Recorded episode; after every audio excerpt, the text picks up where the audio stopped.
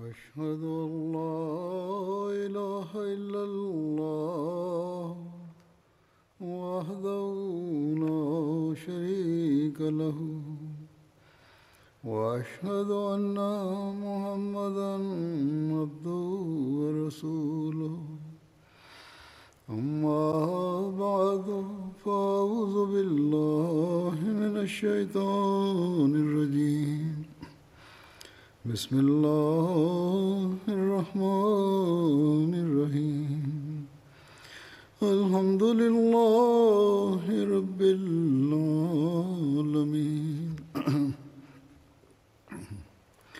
الرحمن الرحيم.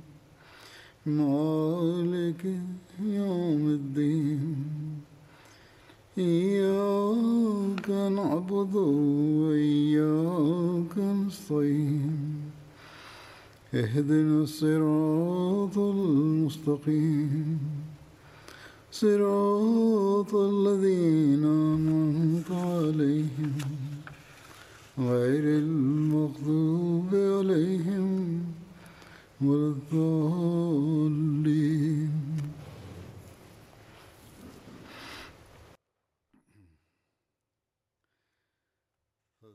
Pada khutbah yang lalu telah dijelaskan tentang peristiwa pensyahidan Hadrat Umar.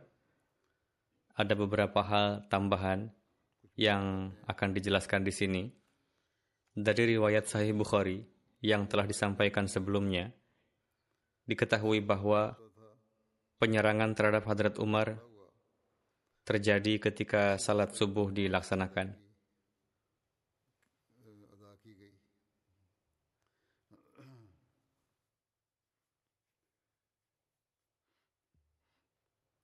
Saat itu, Hadrat Umar tengah berada di dalam masjid. Sementara dalam riwayat lain, disebutkan bahwa Hadrat Umar dengan segera dibawa ke kediaman beliau dan salat dilaksanakan setelahnya. Sebagaimana Allamah Ibnu Hajar, penulis syarah Sahih Bukhari, di bawah riwayat tersebut seraya mengutip satu riwayat lain, beliau menulis, Hazrat Ibnu Abbas meriwayatkan, tatkala darah Hadrat Umar tampak banyak mengalir dan beliau pun pingsan, saya lalu mengangkat beliau bersama yang lain dan membawa beliau hingga ke rumah beliau. Hadrat Umar terus pingsan hingga cahaya pagi menerangi. Ketika beliau sadar kembali, beliau melihat kami dan bersabda, apakah orang-orang telah salat? Saya menjawab, ya, sudah. Mendengar ini, beliau bersabda, tidaklah seorang itu Islam jika ia meninggalkan salat. Lalu beliau berwudu dan menunaikan salat. Selain itu, di Tabakat Kubro pun tertera bahwa Hadrat Umar diangkat dan dibawa ke rumah. Lalu Hadrat Abdurrahman bin Auf mengimami salat. Tertera juga bahwa Hadrat Abdurrahman menilawatkan dua surah Al-Quran Karim yang terpendek yaitu Al-Asr dan Al-Kautsar. Di tempat lain tertera bahwa beliau menilawatkan surah Al-Asr dan Al-Kafirun.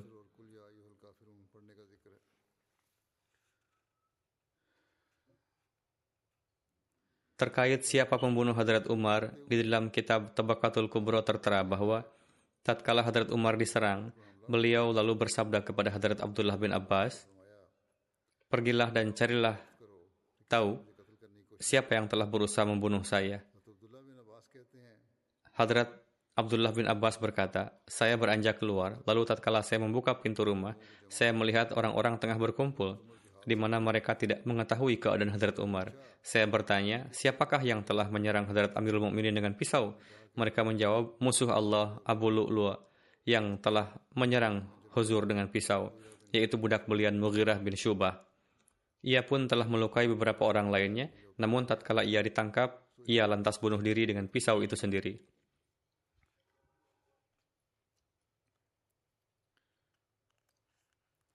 Terkait apakah pensyahidan Hadrat Umar radhiallahu anhu merupakan hasil dari suatu perencanaan ataukah hanya dendam pribadi yang dimilikinya. Beberapa sejarawan kini pun telah menuliskan bahwa pensyahidan Hadrat Umar tidak hanya berdasarkan suatu dendam pribadi, melainkan adalah sebuah perencanaan. Alhasil, pendapat mereka pun akan kita lihat di sini. Sosok Hadrat Umar, wujud khalifah yang pemberani, mengenai bagaimana beliau telah disyahidkan, secara umum kita melihat bahwa para sejarawan dan penulis riwayat hidup mereka diam setelah menjelaskan runtunan peristiwa pensyahidan Hadrat Umar dan didapat kesimpulan bahwa Abu Lu'lu Feroz telah membunuhnya karena gejolak dan kemarahan sesaat. Namun, sebagian para sejarawan sekarang serta penulis riwayat hidup menjelaskan secara rinci seraya berbahas dalam hal ini bahwa Pembalasan dendam ini tidaklah mungkin hanya disebabkan oleh amarah satu orang saja, tetapi ini adalah suatu konspirasi. Dan Hadrat Umar telah dibunuh berdasarkan satu rencana yang telah dimatangkan. Dan dalam perencanaan ini, Hurmuzan, seorang panglima pasukan Iran yang secara zahir telah memeluk Islam dan tinggal di Madinah pun terlibat di dalamnya. Para penulis masa kini menaruh keraguan terhadap para sejarawan dan penulis riwayat hidup yang lampau, yaitu mengapa mereka tidak membahas secara rinci peristiwa pembunuhan yang sangat penting ini, di mana ini merupakan sebuah perencanaan. Dalam hal ini, sebuah kitab penting sejarah, yaitu Al-Bidayah wan Nihayah, dalamnya hanya dituliskan bahwa peran Hormuzan dan Jufainah di pembunuhan Hadrat Umar telah diragukan.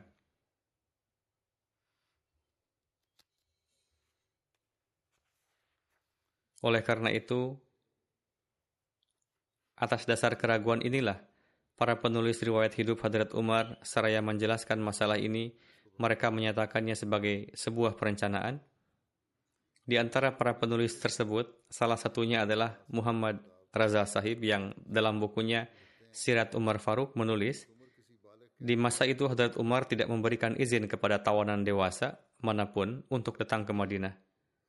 Hingga Hadrat Mughirah bin Syubah, yaitu pemimpin Kufah, menulis surat kepada Hadrat Umar bahwa ia memiliki seorang budak yang sangat terampil dan ia memohon izin untuknya agar dapat datang di Madinah. Hadrat Mughirah bin Syubah lalu berkata, ia menguasai banyak pekerjaan dan akan bermanfaat untuk banyak orang. Ia adalah seorang pandai besi, pemahat, dan tukang kayu yang mahir. Hadrat Umar menulis surat kepada Hadrat Mughirah bahwa beliau telah mengizinkan untuk mengirimnya ke Madinah. Hadrat Mughirah telah menetapkan pajak 100 dirham setiap bulan atasnya. Budak itu pun hadir ke hadapan Hadrat Umar dan mengadukan biaya pajak yang besar tersebut. Hadrat Umar bertanya, pekerjaan apakah yang Anda kuasai dengan sebaik-baiknya? Beliau, ini Hadrat Mugirah telah memberitahukan pekerjaan yang sangat Anda kuasai. Hadrat Umar bersabda, dengan apa yang Anda kuasai ini, maka pajak tersebut tidaklah besar. Ia pun pulang dalam keadaan marah kepada Hadrat Umar. Hadrat Umar menyuruhnya untuk tinggal beberapa hari lagi. Satu hari, budak tersebut lewat di depan Hadrat Umar, lalu beliau memanggilnya dan bersabda, saya mendapat kabar bahwa Anda dapat membuat alat penggiling bertenaga angin yang sangat baik. Budak tersebut menghadap Hadrat Umar dalam rona tidak suka dan marah, lalu berkata, saya akan membuat satu penggiling untuk Tuan di mana semua orang akan terus membicarakannya. Ketika budak tersebut pergi, beliau menghadap ke arah para sahabat yang bersama beliau dan bersabda, budak ini baru saja mengencam saya. Setelah berlalu beberapa hari, Abu Lu'lu'ah membawa dan menyembunyikan pisau bermata dua dan bergagang tengah di dalam selimutnya. Ia lalu menebas Hadrat Umar sebagaimana telah dijelaskan pada peristiwa pensyahidannya. Lalu tebasannya mengenai bawah perut beliau. Di satu sisi, Abu Lu'lu'ah menyimpan kebencian dan dendam terhadap Hadrat Umar karena beliau telah menaklukkan negerinya dan menjadikannya tawanan serta telah menjadikan rajanya harus terusir dalam keadaan tertunduk dan terhina. Kapan pun ia melihat anak kecil yang menjadi tawanan, ia mendatanginya, lalu mengusap kepalanya dan berkata kepadanya, seraya menangis, kaum Arab telah memakan buah hati saya. Ketika Abu Lu'lu'a telah berkeinginan bulat untuk mensyahirkan Hadrat Umar, ia lantas membuat pisau bermata dua dengan sungguh-sungguh. Ia mengasahnya dan mencampurnya dengan racun. Ia membawanya kepada Hurmuzan dan berkata, apakah pendapatmu tentang pisau ini? Ia berkata, pandangan saya, kepada siapa saja kamu akan menebas dengan pisau ini, orang itu akan langsung terbunuh. Hurmuzan adalah salah seorang mantan panglima tentara Persia. Kaum muslim pernah menawannya di daerah Tustar. Lalu mereka mengirimnya ke Madinah. Tatkala ia melihat Hadrat Umar, ia bertanya, di manakah para pengawal dan petinggi beliau? yaitu sebagaimana sebelumnya telah dijelaskan, para sahabat radhiyallahu anhum berkata, beliau tidak memiliki pengawal, petinggi, juru tulis maupun mahkamah kerajaan. Orang itu berkata, kalau begitu hendaknya ia merupakan seorang nabi. Alhasil, ia pun menjadi muslim dan Hadrat Umar menetapkan uang sejumlah 2000 untuknya dan memerintahkannya tinggal di Madinah. Terdapat sebuah riwayat dalam Tabakat Ibnu Sa'ad dengan sanad dari Nafi bahwa Hadrat Abdurrahman melihat pisau yang dengannya Hadrat Umar telah disyahidkan. Beliau berkata, beberapa hari yang lalu saya telah melihat pisau ini pada Hurmuzan dan Jufainah, lalu saya bertanya kepadanya, apa yang Anda berdua lakukan dengan pisau ini? Mereka berdua berkata, kami memotong daging dengan ini, karena kami tidak langsung menyentuhnya. Atas hal ini, Hadrat Abdullah bin Umar bertanya kepada Hadrat Abdurrahman, apakah Anda pernah melihat pisau ini pada kedua orang tersebut? Ia menjawab, ya. Kemudian Hadrat Ubaidullah bin Umar mengambil pedangnya dan mendatangi keduanya dan lantas membunuhnya. Hadrat Utsman memanggil Hadrat Ubaidullah. Tatkala ia hadir di hadapannya, Hadrat Utsman bertanya, kemarahan apa yang telah menjadikan engkau membunuh keduanya sementara mereka berdua ada di bawah perlindungan kita? Mendengar hal ini, Hadrat Ubaidullah langsung menggenggam Hadrat Utsman dan menjatuhkan beliau ke tanah hingga orang-orang pun berdatangan dan menyelamatkan Hadrat Utsman dari Hadrat Ubaidullah. Sebelumnya tatkala Hadrat Utsman memanggilnya, ia yakni Hadrat Ubaidullah menyilangkan pedang pada beliau. Namun Hadrat Abdurrahman dengan keras mengatakan kepadanya untuk menurunkannya. Dan ia pun menurunkan dan meletakkan padangnya.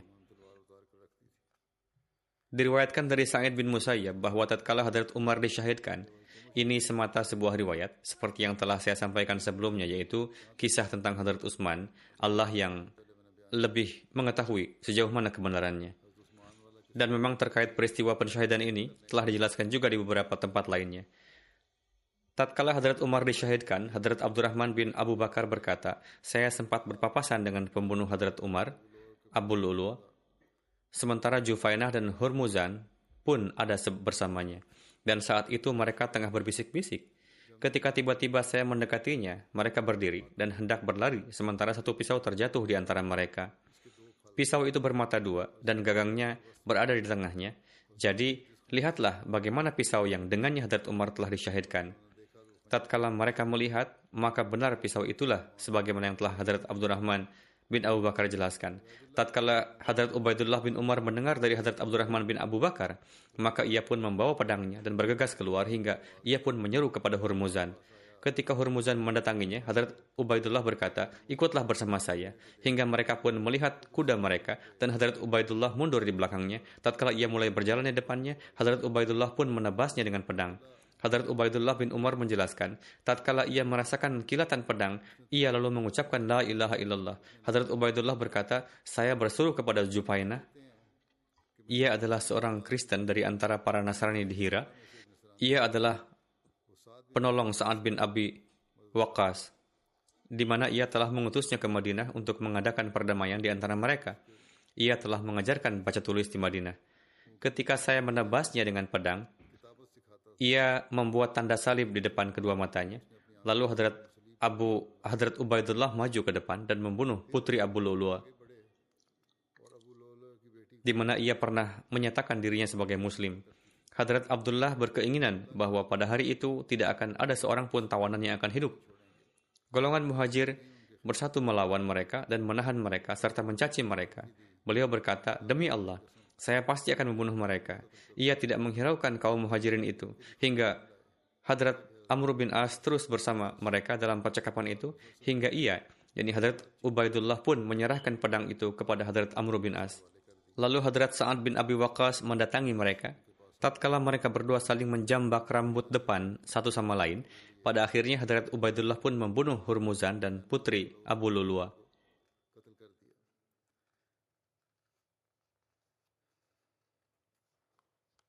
Kini segenap perkara telah disebutkan dalam pembahasan ini, yaitu hal apa saja yang telah menjerumuskan Abu Lulua untuk membunuh Hadrat Umar. Dari riwayat-riwayat yang sampai kepada kita, dapat diambil kesimpulan bahwa pembunuhan Hadrat Umar adalah sebuah perencanaan. Inilah yang ditulis oleh penulis yang menyimpulkan ini sebagai perencanaan. Hurmuzanlah yang telah merencanakan semua ini, yaitu ia semakin mengobarkan kebencian dan dendam Abu Lulua terhadap Hadrat Umar. Mereka berdua adalah orang non-Arab. Tatkala Hurmuzan ditawan dan ia dikirim ke Madinah, ia pun memeluk Islam atas kekhawatiran bahwa khalifah akan membunuhnya. Di dalam Tabakat Ibnu Sa'ad, di dalam riwayat dari Nafi, disebutkan bahwa Abdurrahman bin Auf pernah melihat pisau yang dengannya Hadrat Umar telah disyahidkan. Kemudian di dalam kitab Tabari, di dalam riwayat Sa'id bin Musayyab disebutkan bahwa Abdurrahman bin Abi Bakar pun pernah melihat pisau tersebut, yaitu yang terjatuh di tengah-tengah Abu Lulua, Jufainah, dan Hurmuzan. Tatkala beliau secara tiba-tiba bertemu dengan mereka, dan pisau itu terjatuh dari mereka disebabkan derap langkah beliau, tatkala Hadrat Abdullah bin Umar mendengar perkara ini dari Hadrat Abdurrahman bin Abi Bakar, maka ia pun beranjak maju dan membunuh keduanya. Ia tidak berhenti sampai di sini, ia telah dibutakan oleh gejolak pembalasan dendam hingga putri Abu Lulua pun ia bunuh. Pisau sebagaimana telah disebutkan oleh Hadrat Abdurrahman bin Abu Bakar, itulah yang dengannya Hadrat Umar telah disyahidkan. Seandainya Hadrat Abdullah bin Umar tidak segera membunuh Hurmuzan dan Jufainah, maka akan timbul kemungkinan mereka berdua akan dipanggil untuk penyelidikan perkara ini. Yang dengan ini, konspirasi ini pun akan terkuak. Jika segenap hal ini disampaikan ke muka, maka hal ini akan dapat difahami dengan terang benderang bahwa ini adalah sesuatu yang telah direncanakan secara matang dan orang yang telah menjalankan rencana ini dan telah membunuh Hadrat Umar adalah Abu Lulua. Inilah yang disampaikan oleh mereka yang meyakininya sebagai sebuah perencanaan.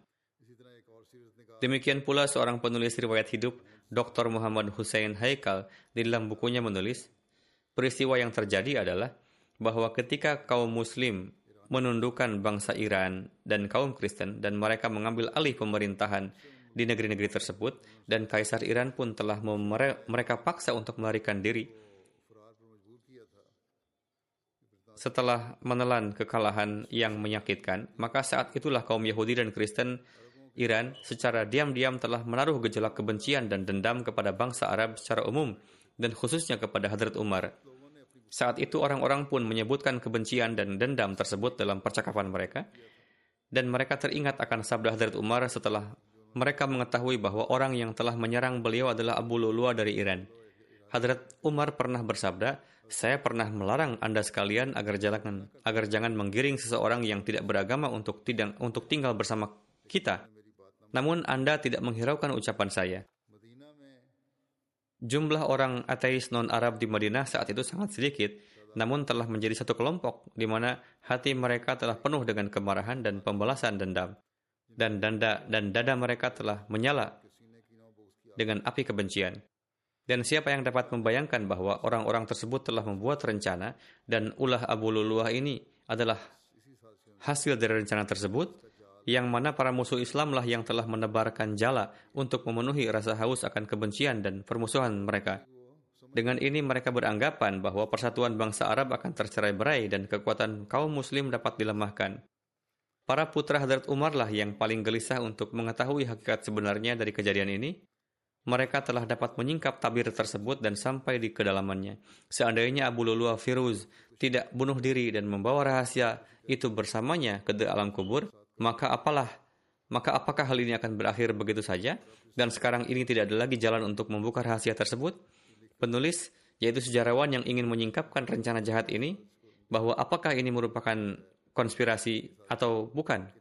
Pemilik kodo dan kodar menghendaki agar sesosok pemimpin Arab mengetahui rahasia ini dan membimbingnya dalam menyikap rencana jahat ini. Tatkala Hazrat Abdurrahman bin Auf melihat pisau tersebut yang dengannya Hazrat Umar telah disyahidkan, maka beliau bersabda, Kemarin saya telah melihat pisau ini pada Hurmuzan dan Jufaina. Saat itu saya bertanya pada mereka, apa yang akan kalian lakukan dengan pisau ini? Mereka menjawab bahwa mereka akan menggunakannya untuk memotong daging, karena mereka telah tidak menyentuh daging dengan tangannya. Lalu Hadrat Abdurrahman bin Abi Bakar berkata, saya pernah berpapasan dengan pembunuh Hadrat Umar, Abu Lulua, sementara Hurmuzan dan Jufainah ada bersamanya. Dan saat itu mereka tengah berbicara secara diam-diam. Saya tiba-tiba mendekati mereka maka mereka pun melarikan diri dan sebuah pisau jatuh dari antara mereka, yaitu pisau bermata dua dan gagangnya terletak di tengahnya. Lihatlah bagaimana pisau yang dengannya Hadrat Umar telah disyahidkan. Tatkala orang-orang melihatnya, maka itu memang adalah pisau yang Hadrat Abdurrahman bin Abi Bakar telah jelaskan. Penulis berkata, dengan ini tidak ada lagi keraguan bahwa keduanya adalah saksi yang benar. Bahkan mereka inilah yang paling dipercaya di antara segenap muslim dan mereka berdualah yang memberikan kesaksian bahwa pisau yang digunakan untuk mensyahidkan Hadrat Umar pernah ada pada Hurmuzan dan Jufaina. Dari antara keduanya, salah satu saksi berkata bahwa ia telah melihat sang pembunuh, yaitu Abu Lu'lu'a, bahwa sebelum ia membunuh, ia tengah bersama keduanya, yaitu Hurmuzan dan Jufaina. Dan menurut kedua saksi, semua ini merupakan peristiwa di, di, di malam tatkala keesokan paginya Hadrat Umar diserang. Jadi, apakah setelah ini ada yang sanggup meragukan hal ini bahwa Hadrat Amirul Mukminin adalah sasaran dari perencanaan pembunuhan ini yang peran utamanya adalah ketiga orang tersebut? Memang ada kemungkinan bahwa ada orang Iran lain atau orang dari bangsa lain yang ikut serta di dalamnya, yaitu bangsa yang telah ditaklukkan oleh kaum muslim. Ketika Hadrat Ubaidullah bin Umar mendengar kesaksian dari Hadrat Abdurrahman bin Auf dan Abdurrahman bin Abi Bakar, maka ia pun menjadi gelap mata untuk melancarkan pembalasan dendam. Dirinya telah mencap bahwa segenap orang non-Arab di Madinah pun ikut serta dalam rencana pembunuhan ini dan tangan mereka pun berlumuran darah atas kejahatan ini. Ia dengan segera mengambil pedangnya dan pertama-tama ia menghabisi Hurmuzan dan Jufainah. Di dalam riwayat, ia menyeru kepada Hurmuzan, tatkala ia keluar, ia berkata kepadanya, kemarilah bersama saya, dan lihatlah kuda saya. Sementara ia sendiri mundur di belakang. Tatkala ia berada berjalan di depannya, maka ia menebasnya dengan pedang. Tatkala orang Iran itu merasakan kilatan pedang, ia berkata, La ilaha illallah, dan ia pun tumbang.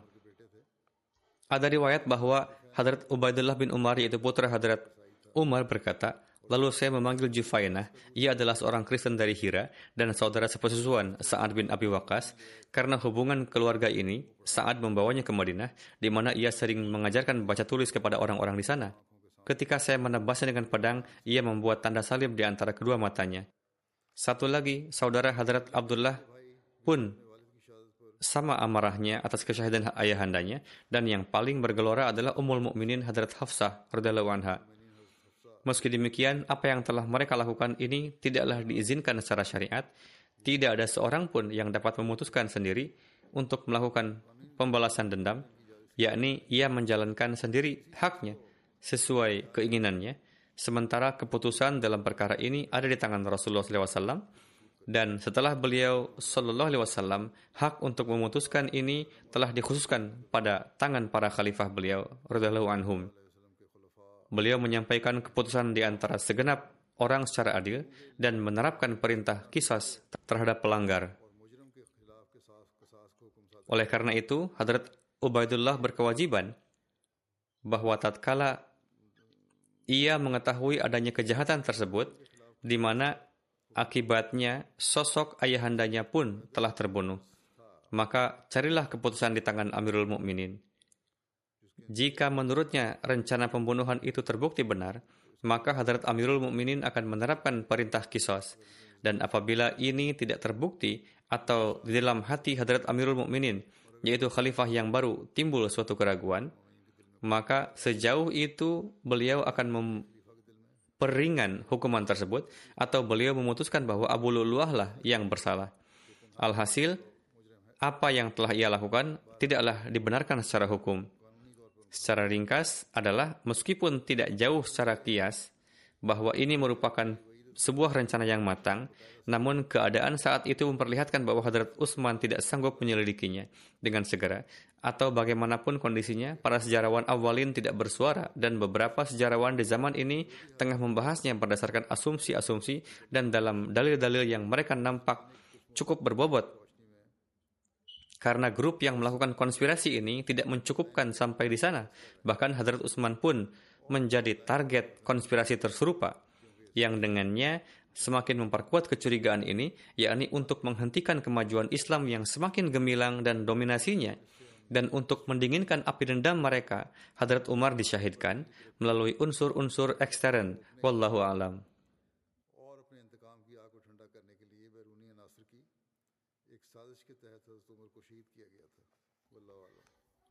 Dalam Sahih Muslim tertulis, Hadrat Ibnu Umar meriwayatkan, ketika ayah saya diserang, saya tengah berada di dekat beliau. Orang-orang menyampaikan pujian kepada beliau dan berkata, semoga Allah Ta'ala memberikan balasan yang terbaik untuk Anda. Hadrat Umar bersabda, saya adalah orang yang mencintai dan juga penakut. Orang-orang berkata, mohon kiranya Huzur menunjuk siapa khalifah pengganti Huzur nantinya. Beliau radhiyallahu anhu bersabda, "Apakah saya harus menanggung beban kalian semasa aku hidup dan setelah mati juga? Saya ingin supaya bagian yang aku dapatkan berimbang, yakni jangan sampai aku mendapatkan hukuman dan aku pun tidak juga berharap untuk mendapatkan suatu ganjaran jika aku menetapkan penerus yang akan menggantikanku." Maka beliau pun menetapkan penerus yang lebih baik dariku, yakni Hadrat Abu Bakar. Jika aku tetapkan, tidaklah mengapa. Jika aku tinggalkan kalian tanpa menetapkan penerusku, beliau pun yang notabene lebih baik dariku telah meninggalkan kalian tanpa menetapkan penerus, yakni Hadrat Umar memberikan permisalan wujud Rasulullah yang tidak menetapkan penerus sebelum wafat. Hadrat Abdullah berkata, ketika Hadrat Umar menyebut nama Rasulullah, saya dapat memahami bahwa Hadrat Umar tidak akan menetapkan penerus. Dalam riwayat lain, Sahih Bukhari, Hadrat Ibnu Umar meriwayatkan, saya pergi menemui Hadrat Hafsah. Hadrat Hafsah bersabda, Tahukah kamu bahwa ayahmu tidak akan menetapkan penerusnya? Saya katakan, beliau tidak akan menetapkan penerusnya. Hadrat Hafsah bersabda, beliau akan melakukannya. Ibnu Umar berkata, saya bersumpah akan menanyakan lagi kepada Hadrat Umar. Lalu saya terdiam hingga pagi dan tidak berbicara apa-apa kepada Hadrat Umar. Kondisi saya saat itu sedemikian rupa disebabkan oleh sumpahku itu seolah-olah saya tengah mengangkat beban gunung. Lalu saya kembali dan menemui Hadrat Umar. Beliau menanyakan keadaan orang-orang kepada saya.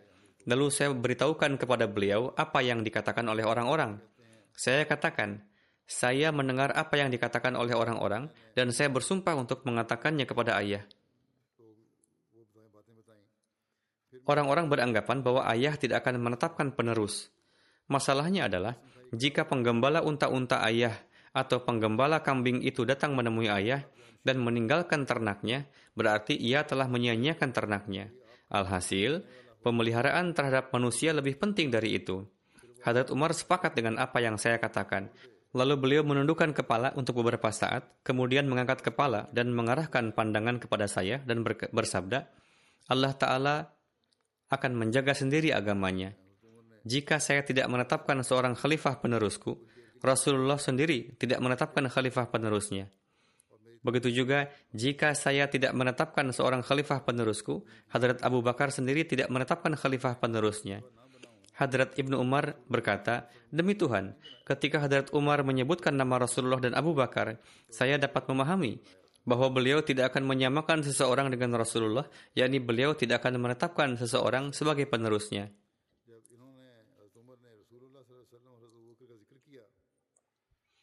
Hadrat Musawwar bin Makhramah meriwayatkan, ketika Hadrat Umar dilukai, beliau kesakitan tak berdaya. Hadrat Ibnu Abbas berkata pada beliau untuk menenteramkan beliau dengan berkata, Wahai Amirul Mukminin, anda telah bergaul dengan Rasulullah SAW dan menemani beliau dengan sangat baik, sehingga akhirnya Rasulullah wafat dalam keadaan ridho kepada Anda. Anda juga telah bergaul bersama dengan Hadrat Abu Bakar dan menemani beliau dengan sangat baik, sehingga akhirnya beliau wafat dalam keadaan beliau ridho kepada Anda. Anda juga telah bergaul bersama para sahabat dan menemani beliau-beliau dengan sangat baik, sehingga jika Anda berpisah dari mereka, maka pastinya Anda akan berpisah dari mereka dalam keadaan mereka ridho kepada Anda. Hadrat Umar bersabda, pergaulan dan keridaan Rasulullah seperti yang kamu katakan itu semuanya merupakan ihsan yang Allah Ta'ala anugerahkan kepada saya. Begitu juga pergaulan dan keridaan Hadrat Abu Bakar seperti yang kamu katakan itu. Ini pun merupakan ihsan yang Allah Ta'ala anugerahkan kepada saya. Demikian pula kekhawatiran yang kamu lihat dalam diri saya, itu semata-mata saya lakukan untuk dirimu dan kawan-kawanmu. Saya tidak mengkhawatirkan pribadi saya sendiri, melainkan mengkhawatirkan kamu dan kawan-kawanmu. Demi Tuhan, jika saya memiliki emas sebesar bumi, maka pasti saya akan korbankan guna terlepas dari azab ilahi. Sebelum tiba saatnya, aku melihat azab tersebut. Dalam menafsirkan ayat wal yubaddilannahum min ba'di khaufihim amna, Hadrat Muslim Maud radhiyallahu anhu bersabda,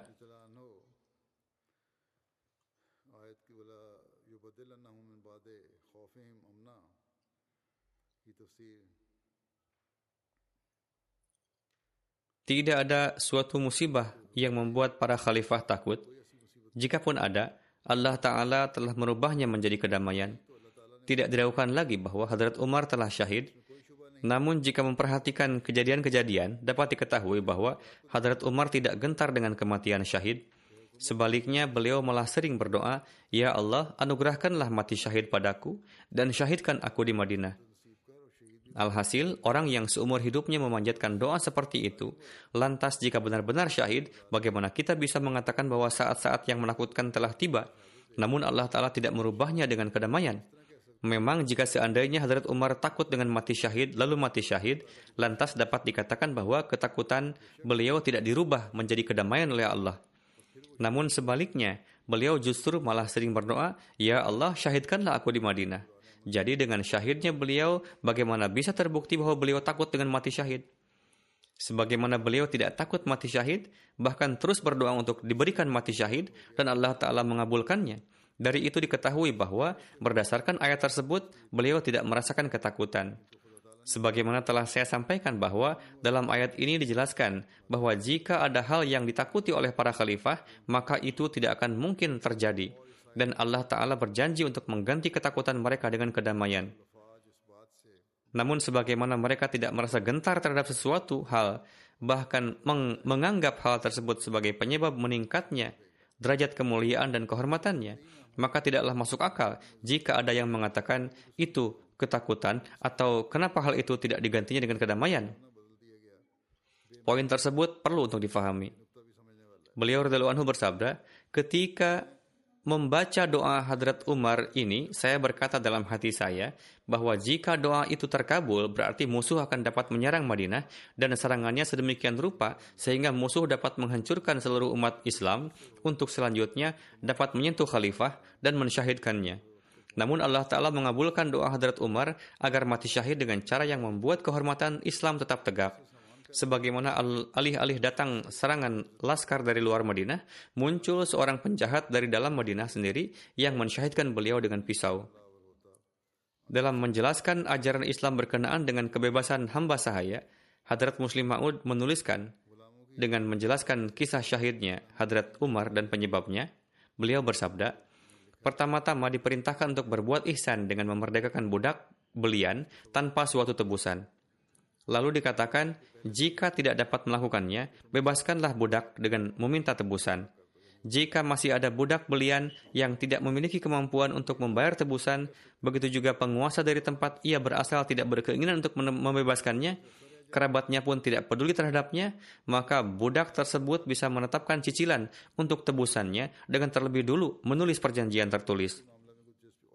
Dalam corak demikian sejauh berkaitan dengan pendapatan yang ia dapatkan dari pekerjaannya, semuanya miliknya, kecuali tunggakan cicilan dan pada kenyataannya ia bebas sepenuhnya. Yakni mantan budak itu akan mengeluarkan biaya untuk cicilan dari penghasilan yang ia dapatkan. Selebihnya adalah miliknya sendiri. Ini merupakan satu macam kebebasan. Hadrat Umar Anhu disyahidkan oleh seorang hamba sahaya yang telah melakukan perjanjian. Suatu hari, budak tersebut mengatakan kepada majikan muslimnya bahwa ia memiliki kemampuan sedemikian rupa. Sehingga jika Anda membebaskan saya, maka saya akan melunasi uang tebusan dengan mencicil setiap bulannya. sang majikan menetapkan uang cicilan yang ringan, sehingga budak tersebut terus mencicilnya. Suatu hari, budak tersebut menyampaikan pengaduan ke hadapan Hadrat Umar dengan mengatakan, Majikan saya telah menetapkan uang cicilan yang memberatkan terhadap saya. Mohon kiranya Tuan dapat menguranginya. Hadrat Umar menyelidiki berapa penghasilannya. Ternyata budak tersebut menghasilkan berlipat ganda dari besaran penghasilan yang darinya keluar angka cicilan.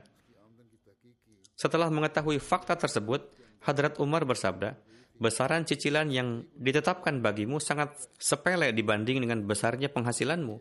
Tidak bisa dikurangi lagi. Budak tersebut sangat kecewa dengan keputusan tersebut. Ia beranggapan bahwa karena ia adalah seorang Iran, untuk itu keputusannya memberatkan saya. Sebaliknya majikannya lebih diperhatikan karena ia adalah orang Arab. Dalam keadaan emosi seperti itu, pada hari berikutnya ia menyerang Hadrat Umar dengan pisau dan karena luka tersebut Hadrat Umar syahid. Hadrat Muslim Maud anhu bersabda lebih lanjut, di dunia ini terdapat dua hal yang menjadi penyebab berpalingnya dari kebenaran, yakni kalau tidak kebencian yang mendalam, kecintaan yang mendalam. Kebencian yang mendalam terkadang timbul dari kejadian sepele. Coba perhatikan pada masa Hadrat Umar, betapa insiden kecil meningkat menjadi kebencian, sehingga menimpakan kerugian besar terhadap dunia Islam. Menurut saya, insiden tersebut memberikan dampak yang berkelanjutan hingga saat ini. Pada masa Hadrat Umar, Suatu hari ada yang menyampaikan pengaduan. Ada seorang hamba sahaya yang mendapatkan upah tinggi, namun bagian yang ia berikan untuk majikannya tidaklah sesuai. Hadrat Umar memanggil budak tersebut dan bersabda, Berikanlah bagian yang sesuai untuk majikanmu, karena pada masa itu sangat jarang orang yang memiliki keterampilan. Untuk itu, seorang pandai besi dan pengrajin kayu dipandang bernilai tinggi. Budak belian tersebut biasa membuat mesin penggiling gandum dan mendapatkan bayaran yang tinggi. Hadrat Umar menetapkan bagian 3,5 anak yang harus dia bayarkan kepada majikannya. Jumlah tersebut sebenarnya tidaklah banyak, namun budak itu beranggapan bahwa Hadrat Umar telah memberikan keputusan yang keliru. Setelah itu, di dalam hatinya mulai memendam kebencian terhadap Hadrat Umar. Suatu hari Hadrat Umar berkata pada budak tersebut, tolong buatkan mesin penggiling untuk kami. Budak itu menjawab dengan berkata, saya akan membuatkan mesin penggiling yang berputar dengan sangat baik. Setelah mendengar ucapan budak tersebut, seseorang berkata kepada Hadrat Umar bahwa budak itu telah melontarkan ancaman kepada Tuhan. Riwayat ini mirip dengan riwayat yang sebelumnya atau sama, bagaimanapun riwayat budak belian yang sama. Dalam riwayat ini, Hadrat Umar tidak menyatakan kalimat tersebut, namun pada riwayat sebelumnya, Hadrat Umar sendiri yang menyatakan bahwa budak itu melontarkan ancaman. Orang itu mengatakan, dari gaya bicara budak itu nampak suatu ancaman. Akhirnya, suatu hari ketika Hadrat Umar mengimami salat, budak tersebut membunuh Hadrat Umar dengan menusukkan pisau. Hadrat Muslim Maud menulis, dialah Umar yang notabene seorang raja bagi jutaan manusia, yang merupakan penguasa bagi sekian banyak bangsa, yang pada masanya merupakan pemimpin terbaik umat Islam, telah dibunuh disebabkan oleh tiga setengah anak. Namun masalahnya adalah orang yang di dalam tabiatnya terpendam kebencian dan kedengkian, mereka tidak memperhatikan tiga anak atau dua anak melainkan ingin menghilangkan dahaganya. Tabiat mereka telah diwakafkan untuk kebencian. Mereka tidak memperdulikan apa akibat bagi kita dan bagi orang lain. Ketika pembunuh Hadrat Umar diinterogasi dengan menanyakan, kenapa kamu melakukan perbuatan yang brutal seperti ini? Ia menjawab, saya terpicu untuk membalas dendam. Karena Hadrat Umar telah memberikan keputusan yang merugikan saya. Sebelum ini tidak dijelaskan secara rinci, mungkin saja si pembunuh itu mendapatkan sedikit waktu ketika ditangkap. Ia mengatakan alasan kenapa ia membunuh selanjutnya bunuh diri. Dalam menjelaskan peristiwa memilukan tersebut, Hadrat Muslim Maud bersabda, insiden itu berdampak hingga hari ini bagi Islam, yakni meskipun setiap saat selalu dibayang-bayangi oleh maut, namun dalam keadaan kokoh dan kuat, tidak terpikir bahwa ajal akan menjemput. Namun ketika kondisi sudah melemah dan kesehatan sudah menurun, maka benak manusia dengan sendirinya mulai berpikir untuk membuat pengaturan bagi masa depan. Mereka tidak berbincang satu sama lain perihal ini, namun dengan sendirinya timbul arah yang menjadi penggerak untuk memikirkan mengenai pengaturan untuk masa yang akan datang. Untuk itu, ketika seorang imam wafat, maka orang-orang menjadi waspada karena Hadrat Umar memiliki kondisi fisik yang kuat meskipun sudah berusia 63 tahun. Namun tidak terfikir oleh para sahabat bahwa Hadrat Umar akan segera berpisah dari mereka. Untuk itu para sahabat sama sekali tidak terfikir perihal pengaturan untuk ke depannya, yakni seketika datang musibah wafatnya Hadrat Umar. Pada saat itu umat Islam belum siap untuk menerima seorang imam lain disebabkan oleh tidak adanya persiapan, sehingga belum timbul kedekatan hubungan orang-orang dengan Hadrat Utsman yang sioginya terjalin. Akibatnya kondisi Islam menjadi sangat rentan, terlebih pada masa Hadrat Ali. Ini merupakan salah satu penyebab kekisruhan yang terjadi di kemudian hari, seperti yang telah dijelaskan. Menurut Hadrat Muslim Maud, hal ini bisa menjadi penyebabnya. Pada saat genting, seharusnya ada beberapa orang yang ditugaskan untuk berjaga ketika salat tengah berlangsung. Hal itu disabdakan oleh Hadrat Muslim Ma'ud anhu. Hal itu beliau jelaskan dalam konteks syahidnya Hadrat Umar anhu. Beliau bersabda, dalam Al-Quran terdapat hukum yang jelas, yakni hendaknya ditugaskan setengah dari antar umat muslim untuk berjaga. Meskipun konteksnya pada saat peperangan yang diperlukan guna melindungi sebuah jemaat, namun dari itu dapat dijadikan dalil bahwa untuk mencegah terjadinya kekisruhan kecil, jika beberapa orang ditugaskan untuk berjaga ketika salat, maka hal itu bukanlah hal yang patut dibantah, melainkan perlu untuk diamalkan. Jika pada saat peperangan dari antara seribu orang dapat ditugaskan 500 orang untuk berjaga, lantas apakah dalam kondisi yang tidak terlalu genting tidak bisa ditugaskan 5 atau 10 dari antara seribu orang untuk berjaga? adalah keliru jika ada yang beralasan dengan mengatakan bahwa resiko bahaya bukanlah sesuatu yang pasti. Apa yang telah menimpa Hadrat Umar anhu ketika beliau tengah khusyuk dalam salatnya, seseorang yang jahat berpikir bahwa itu adalah saat yang tepat untuk menyerang beliau anhu. Lalu orang itu maju dan menusukkan pisau kepada Hadrat Umar. Setelah mengetahui kejadian tersebut, jika ada yang mengatakan bahwa berjaga-jaga ketika salat adalah bertentangan dengan prinsip dan kemuliaan salat, maka pendapat seperti itu tidak memiliki arti apa-apa selain dari memperlihatkan cara berpikir yang bodoh. Permisalannya seperti seorang bodoh yang terlibat dalam pertempuran dan terkena anak panah yang membuatnya berdarah. Lalu orang itu kabur dari medan perang dan sambil menyeka darah, ia terus-menerus mengatakan, "Ya Allah, semoga kejadian ini hanyalah mimpi, bukan kenyataan." Terbukti juga dari sejarah bahwa pada suatu kesempatan para sahabat tidak mengatur penjagaan sehingga terpaksa menanggung kerugian besar. Sebagaimana ketika Hadrat Amr bin As ketika berangkat untuk menaklukkan Mesir dan beliau berhasil menaklukkan daerah-daerah, setelah itu ketika memimpin salat, beliau tidak mengaturkan penjagaan. Ketika musuh mengetahui bahwa pasukan muslim tengah lengah dalam keadaan salat, suatu hari musuh menetapkan beberapa ratus pasukan bersenjata untuk menyerang pasukan muslim ketika tengah dalam keadaan sujud. Setibanya mereka langsung menebaskan pedangnya ke kepala pasukan muslim. Terbukti dari sejarah bahwa ratusan sahabat terbunuh atau luka pada saat insiden tersebut. Satu persatu mereka berjatuhan dan kawan-kawan mereka tidak dapat memahami apa yang tengah terjadi hingga kerugian besar menimpa Laskar. Ketika Hadrat Umar mengetahui kabar tersebut, beliau sangat memarahi mereka dan bersabda, "Tidak tahukah kalian bahwa seharusnya diaturkan penjagaan?" Namun Hadrat Umar pun tidak mengetahui bahwa insiden yang sama akan menimpa beliau juga. Setelah insiden tersebut, para sahabat membuat pengaturan, yakni ketika salat berlangsung, selalu ditetapkan beberapa orang untuk berjaga.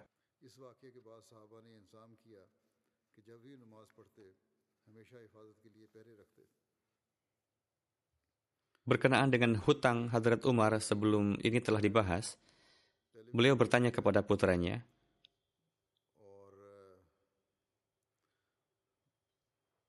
Coba dihitung, ada berapa hutang saya? Hadrat Abdullah menghitungnya.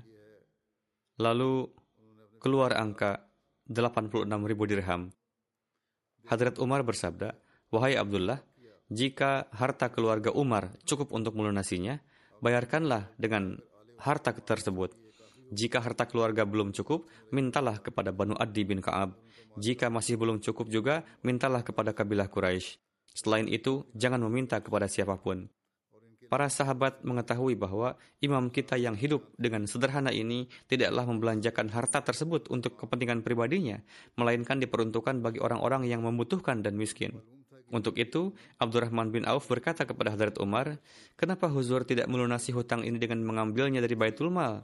Hadrat Umar bersabda, "Nauzubillah, apakah kamu ingin nanti kamu dan kawan-kawanmu mengatakan bahwa kami telah meninggalkan bagian harta kami di Baitul Mal untuk Umar?" Sekarang kamu menghibur saya, namun di belakangku nanti akan timbul masalah yang berat bagiku. Hadrat Umar bersabda kepada putra beliau, Abdullah bin Umar, ambillah tanggung jawab untuk melunasi hutangku. Sebagaimana Hadrat Abdullah mengambil alih tanggung jawab tersebut, sebelum Hadrat Umar dimakamkan, putra beliau menjadikan para anggota syuro dan beberapa penganut Nasrani sebagai saksi atas jaminan pelunasan hutang tersebut. Pasca kewafatan Hadrat Umar, belum lagi datang Jumat berikutnya, Hadrat Abdullah bin Umar membawa sejumlah uang untuk melunasi hutang, lalu datang ke hadapan Hadrat Utsman dan menyatakan terbebas dari beban hutang di hadapan beberapa saksi.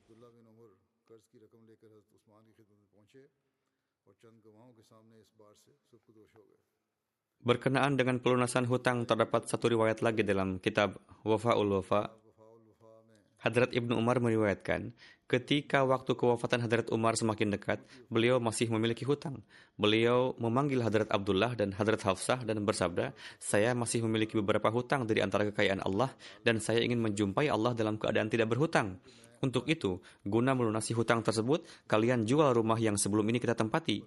Jika masih belum dapat terlunasi juga, mintakan saja ke Banu Adi. Jika masih belum lunas juga, janganlah pergi ke siapa-siapa lagi setelah Quraisy. Pasca kewafatan Hadrat Umar, Hadrat Abdullah bin Umar pergi menemui Hadrat Muawiyah. Hadrat Muawiyah membeli rumah Hadrat Umar Rumah tersebut dinamai Darul Qadha.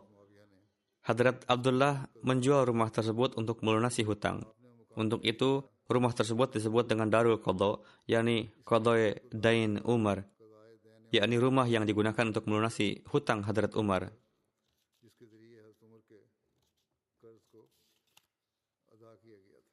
Topik ini masih akan terus berlanjut nanti, insya Allah.